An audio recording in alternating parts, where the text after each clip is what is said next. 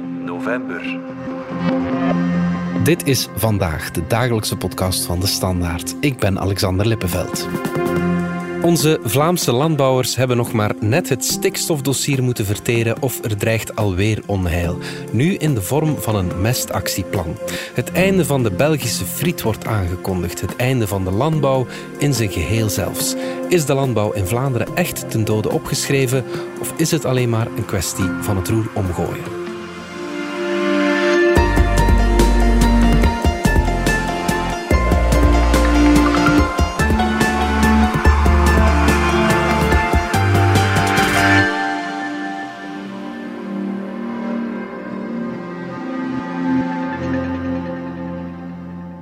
Inge Gijs, nieuwsmanager bij onze krant. Jij volgt het landbouwbeleid al een aantal jaren. Ja, waarom? Wat, wat van waar je fascinatie? Niet omdat ik uit een landbouwfamilie kom, maar wel omdat ik jaren geleden een reportage op televisie zag Mhm. van een landbouwfamilie die heel hard werkte. Die twee kinderen hadden onder de 12 jaar en zelfs zij moesten af en toe meewerken op het veld. Ja. En die mensen verdienden echt het zout op hun patatten niet. En die mevrouw die zei op televisie, ja, wat ik zo graag zou doen, is een keertje op vakantie gaan met mijn kinderen naar zee. Dat had ze nog nooit kunnen doen. En ik dacht, hoe kan dat nu? De landbouwer die maakt eigenlijk iets wat voor iedereen levensnoodzakelijk is, namelijk ons voedsel. Ja. En die wordt daar dan zo slecht voor betaald dat hij niet eens één week op vakantie kan naar zee. Ja, en dan ja. ben ik mij daarin beginnen verdiepen. Ja, dan heb je een correspondentschap. eh, Toen deden we dan nog met de krant eh, over geschreven. Sinds een paar dagen kijken veel landbouwers weer met een bang hartje hè, naar wat er op hen afkomt. Dat mestactieplan. Ja, er is nu een zevende mestactieplan in de maak. Er is uitgelekt wat daarin staat. Daar zal zeker nog over onderhandeld worden. Dus dat is waarschijnlijk niet te nemen of te laten. Maar wat erin staat is wel heel streng. Het betekent eigenlijk dat alle landbouwers minder mogen mesten. In bepaalde gebieden zelfs eh, niet meer na 1 augustus. Ja. Het betekent ook dat men niets meer mag planten op zes meter van een waterloop. Tot nu toe mocht men dat niet bemesten, maar nu mag men er ook niet meer planten. Ja. Er staat ook in dat een aantal late aardappelen of late groenten niet meer mogen geteeld worden. Dus alles wat na 1 september geoogst moet worden, mag niet meer geteeld worden. Ja, dat betekent echt voor heel veel landbouwers eh, heel veel kopzorgen. Ja, dat was ook eh, te horen bij een protestactie van heel wat landbouwers in Hasselt. We horen een klein verslag van TV Limburg. Moest dit plan er daadwerkelijk doorkomen, dan zijn er heel veel bedrijven die het heel moeilijk gaan hebben om een eh, mest af te zetten, om een teelte überhaupt nog te mogen zetten, te mogen groeien, te kunnen laten groeien met deze bemestingsnormen. Dus dan wordt het inderdaad heel, heel moeilijk. Wij worden zo het mes op de keel gezet dat wij nog niet eens kunnen beginnen. En wij zitten met onze kop onder het water met schulden en dan houd je het niet vol, dan gaat je failliet. Wij proberen het echt, maar als u zo strenge regels telkens weer opnieuw worden opgelegd, dan zakt u echt de moed in de schoenen en dan stopt je ermee. Ja, Inge, heel wat eh, landbouworganisaties die slaan alarm, denk ik. Hè? Ja, absoluut. Omdat in Vlaanderen heb je eigenlijk vrij kleine percelen. Op sommige plaatsen hebben ze aan ruilverkaveling gedaan, waardoor dat sommige boeren grotere percelen hebben. Maar op een aantal plaatsen is dat helemaal nog niet het geval. En bovendien lopen er heel veel grachten en beekjes door die percelen, Ja. waardoor we vaak maar 1, 2, 3 hectare groot hebben. Ja, als je dan 6 meter ook nog niet mag gebruiken, ja, dan blijft er op de duur ook niet veel meer over natuurlijk. Ja, ja, ja. Hoeveel landbouwgrond zou er dan zo verloren gaan door die, ja, door die zes meter dan vooral? Ja, exact weet men het nog niet, maar men schat tussen de 14.000 en 25.000 hectare. En je moet daar rekenen op ongeveer 600.000 hectare landbouwgrond. Ja. Het einde van de Belgische friet werd zelfs aangekondigd. Dat is, het zijn weer heel grote woorden, maar wat is daarvan waar? Van waar, van waar komt dat dan? Ja, ik begrijp wel dat de aardappelverwerkende industrie ook heel ongerust is. Omdat wat zij nu doen, zij gebruiken vooral voor de diepvriesfrieten, gebruiken zij de laat geoogste aardappelen. Ja. Omdat dat bewaaraardappelen zijn. Daarom zijn zij natuurlijk het meest geschikt, want je kunt natuurlijk niet aardappelen oogsten en dan in één of twee maanden al die frietproductie doen. Dus die fabrieken die moeten natuurlijk blijven draaien een jaar lang. Ja. En daarom gebruiken zij vooral die late aardappelen. En dat is de reden waarom ze zo ongerust zijn.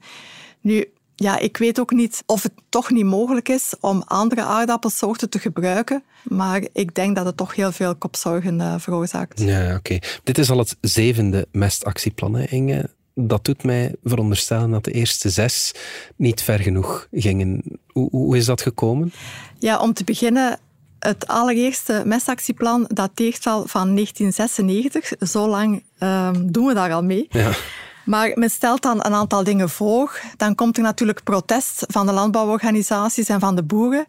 En dan zwakt men dat weer voor een deel af. Dat is één reden. Maar er is nog een, volgens mij een veel belangrijkere reden. En dat is dat wat men afspreekt, dat die regels onvoldoende gecontroleerd worden. Okay. Uh, drie jaar geleden dan heeft de Standaard een uh, onderzoek gedaan rond uh, mestfraude. Mhm. En dan hebben we verschillende fraudemechanismen blootgelegd.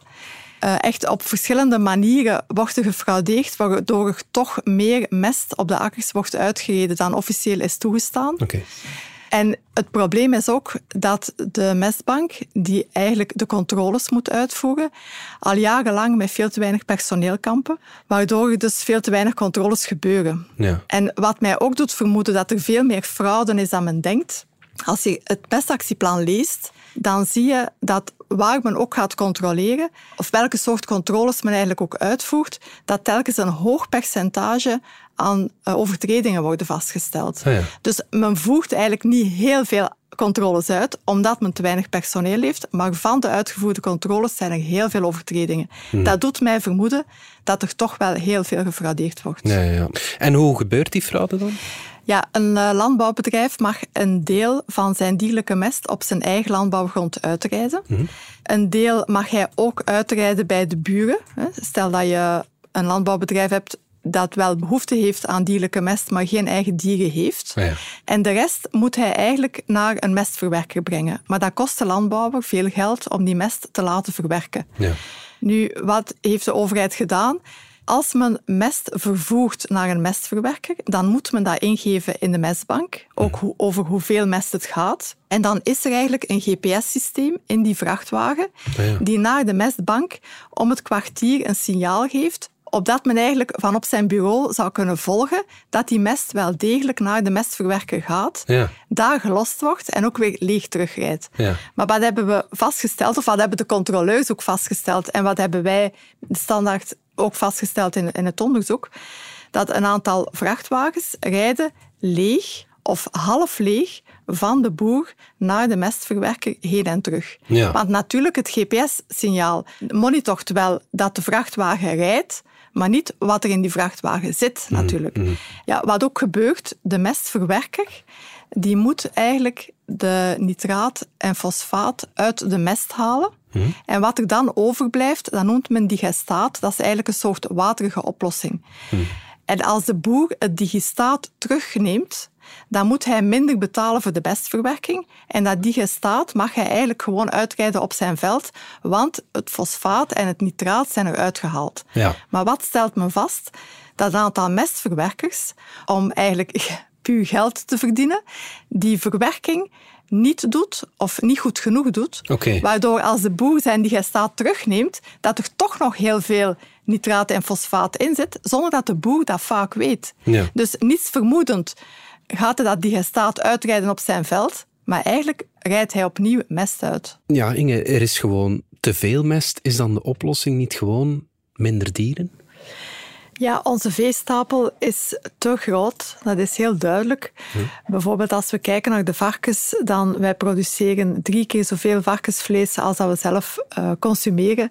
En de rest voeren we uit, zelfs tot in het Midden-Oosten. Dat is eigenlijk Ja. te absurd voor woorden.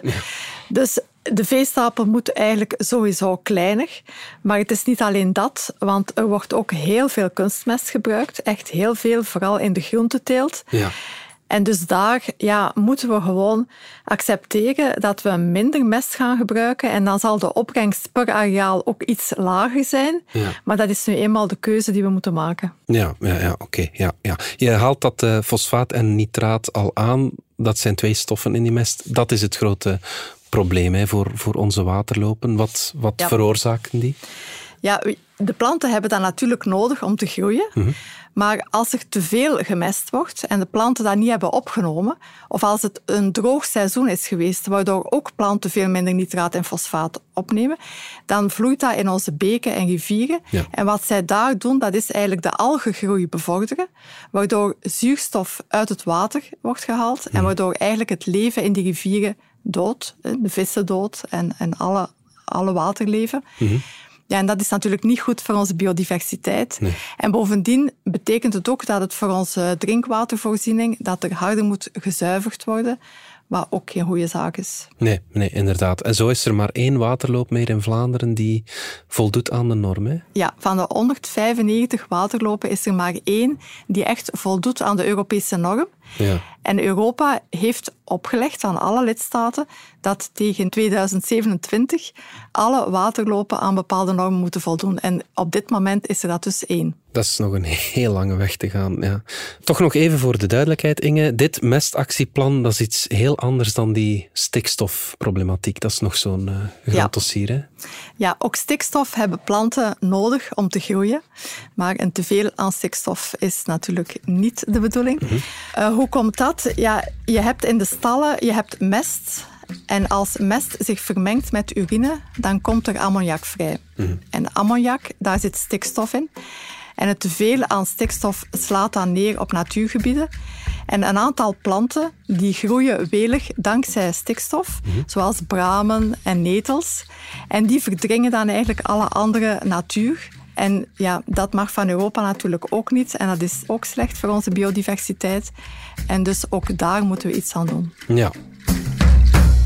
We gaan er even uit voor reclame.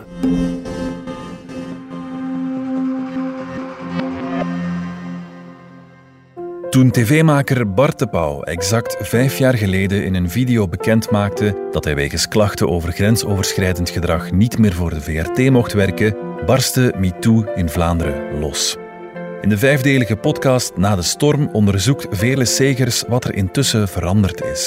Ze doet dat met getuigenissen van de actrices Lisa Naert, Maaike Kafmeijer. Ik moet ergens de lente in dit zien. Als dat niet is, dan is het voor niks niet nodig geweest. Want het is wel zo, hier allen wel uit leren. Hè? Echt waar, hè?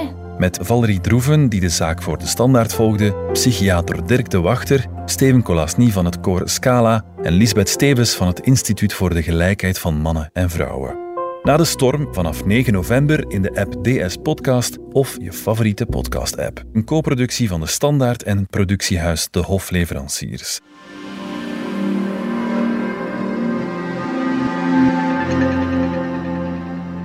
Terug naar de landbouw dan. Ja, Inge, je zal maar een boer zijn en naast het stikstofbesluit nu ook nog uh, dat mestactieplan op je boterham krijgen. Het is wel echt geen gemakkelijke stil meer, hè? Nee, absoluut niet. Ik begrijp dat heel veel boeren uh, nachten wakker liggen. Ja. Het punt is natuurlijk dat we veel verschillende milieu- en klimaatproblemen hebben. En eigenlijk hangen al die klimaat- en milieuproblemen samen. Mhm. En alles hangt aan elkaar vast. En wat wij nu eigenlijk doen in Vlaanderen, dat is proberen om voor elk probleem afzonderlijk een oplossing te zoeken. Ja. Maar dat is volgens mij niet de weg die we moeten bewandelen. Ik ging even kijken bij Chris Heirbout. Dat is een landbouwer uit het Oost-Vlaamse Temse. We zullen eens tot bij de kalver gaan. Misschien ah, dat, dat dan een keer willen loeien. Ja, ja, ja, Chris is de vierde generatie uit een boerenfamilie. Maar hij heeft het roer een paar jaar geleden helemaal omgegooid. Mijn ouders hebben eigenlijk mee heel die landbouwsector eh, zien veranderen. En eigenlijk ons grootvader had een gemengd bedrijf. Mijn ouders hebben zich dan gespecialiseerd en ook echt het economisch model van de 20e eeuw ingevoerd. Je gaat één ding opschalen, je gaat uh, één ding in specialiseren en hard produceren om te proberen je kosten te verdienen. En nu zien we die andere beweging terug op gang komen, dat we eigenlijk terug naar een meer gemengd systeem moeten, om, omdat we ook, een, uh, ook nog altijd voedsel kunnen produceren, maar dan op een iets duurzamere manier. Als verschillende veehouderijsystemen hand in hand gaan met akkerbouw, dan krijg je automatisch een circulairder productie. En dat is waar we terug naartoe moeten. Chris en zijn echtgenote doen aan circulaire landbouw. Dat is een vorm van landbouw waarbij er ja, niets verloren gaat en er op verschillende domeinen wordt gewerkt. De koeien zijn buiten, want uh, ja, het is nu begin november, maar... Uh, Het regent niet, dus ze zijn nog eens in de wei. Ja. Het is eigenlijk de bedoeling dat ze zo lang mogelijk acht uur per dag uh, buiten gaan. En ze zitten 16 uur binnen, omdat we eigenlijk die mest uh, die ze binnen uh, uitscheiden wel verwerken. daar proberen we groene stroom mee te maken. Ja, en methaan wordt eigenlijk verbrand daarbij. Dat is een verbrandingsmotor, wordt omgezet in CO2. Uh, wat wij proberen is die CO2 dan ook opvangen uh, om daar eigenlijk algenteelt uh, mee te doen. Algenteelt, je hoort het goed. In een buizensysteem van 5 kilometer lang teelt Chris microalgen. Een interessant product. Het is redelijk innovatief, maar we lanceren binnenkort enkele nieuwe voedingsproducten daarmee. Um, omdat dit is chlorella die we telen, is toegelaten in Europa in voeding. Maar dat uh, eigenlijk nog niemand eh, lekkere recepten mee maakt, uh, dachten wij, ja, dat is dan eigenlijk een gat in de markt. Misschien moeten we dat maar eens proberen. En we, we kunnen er tal van dingen mee maken. We kunnen uh, een rauwe melkse kaas met algen maken. We kunnen brood met algen maken. We kunnen chocolade met algen maken. Um, dus er zijn veel lekkere recepten. nu iets heel speciaal is ook de thee, omdat daar eigenlijk de algen het hoofdingrediënt zijn. En zo zijn er nog een aantal minder traditionele landbouwproducten waar de Vlaamse boer naar zou kunnen kijken. Zaken die ervoor zorgen dat ze kunnen instaan voor onze voedselproductie en tegelijk ook voldoende inkomsten kunnen genereren. Een gemakkelijk voorbeeld is hennep. Hennep eh, kan heel veel koolstof capteren, kan ook de grond uh, zuiveren. Maar hennep is een teelt die natuurlijk een verdienmodel kan teweegbrengen, omdat de vezel bijvoorbeeld naar de textielindustrie of naar de bouwsector kan gaan. Dus eigenlijk door planten te gaan zoeken die een win-win situatie creëren en door dat dan in een goede akkerbouwrotatie te doen, zodat je meer koolstof in je grond opslaat, kan je eigenlijk een verdienmodel bouwen dat goed is voor het klimaat. De algen die Chris produceert hebben nog een voordeel. Ze onttrekken CO2 uit de lucht, wat de klimaatopwarming tegengaat. Voilà, wij zijn die technologische uitdaging aangegaan. Uh, specifiek omdat we denken dat in de toekomst een landbouwbedrijf terug de slimme methodes van onze voorouders moet gebruiken. Maar alleen daarmee komen we niet meer uh, om de global warming te stoppen. Mm -hmm. Dus ik denk dat de hoogtechnologische oplossingen in combinatie met terug die goede landbouwpraktijken van 100 jaar geleden, dat daar eigenlijk de winst zit die wij als landbouwsector. Met 500.000 hectares in Vlaanderen kunnen wij wel degelijk een verschil maken. Uh, want we kunnen heel veel koolstof opslaan in die bodems. Mhm. Maar we moeten ook zorgen dat we een verstandig verdienmodel daar rond bouwen. De strijd tegen de klimaatopwarming en landbouw kunnen dus wel degelijk samengaan. Door duurzame keuzes te maken kunnen boeren een belangrijke rol in die strijd spelen. Maar de keuzes die in het verleden gemaakt zijn, die leiden ertoe dat een omslag niet gemakkelijk is. Ik denk dat landbouw uh, in de historie altijd zeer circulair was. Uh, er werd ook aan veeteelt gedaan en dat was in een gesloten systeem zoveel mogelijk, omdat dat uh, noodzakelijk was. Het is ook eigen aan landbouw. Dat is typisch dat er circulair gewerkt wordt. Voorbij het 60 jaar is er eigenlijk ingezet op uh, vermijden van hongersnood. Maar men heeft daar eigenlijk uh, een beetje de balans uh, verloren.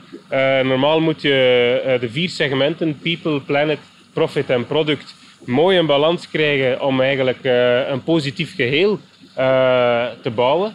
En er is toen alleen maar ingezet op profit en product. Um, waardoor dat de landbouw, net als alle andere economische activiteiten, eigenlijk meer een lineaire economie geworden is dan een circulaire economie. Maar nu moeten we wel terug. Dus heel ons productiesysteem is uit balans, omdat men nooit niet aan de vier segmenten gedacht heeft. Mm. Men heeft alleen aan uh, product en profit gedacht.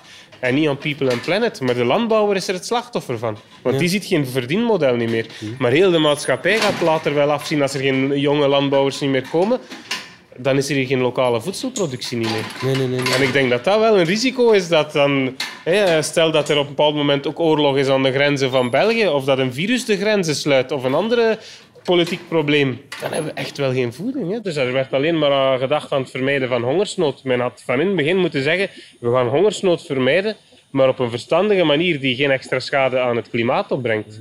En daar heeft men toen geen rekening gehouden. Het 60 jaar landbouwbeleid in één richting brengen ons waar we nu staan natuurlijk. En nu, plots, op een paar jaar tijd dat gaan willen terugdraaien, dat, dat, dat, dat denk dat dat onze voedselketen kan kapotmaken. We moeten daar heel omzichtig mee omspringen. Chris hoopt dat die inzichten ook doordringen tot in het beleid. Want de fouten die de afgelopen decennia gemaakt zijn in het natuurbeleid, die mogen nu niet herhaald worden in het landbouwbeleid. Zeggen dat, dat we natuur en landbouw tegen elkaar gaan uitspelen, creëert problemen. Um, omdat we dan net hetzelfde gaan doen dan de voorbije 60 jaar. De voorbije 60 jaar heeft natuur te weinig ruimte gekregen in ons uh, landschap.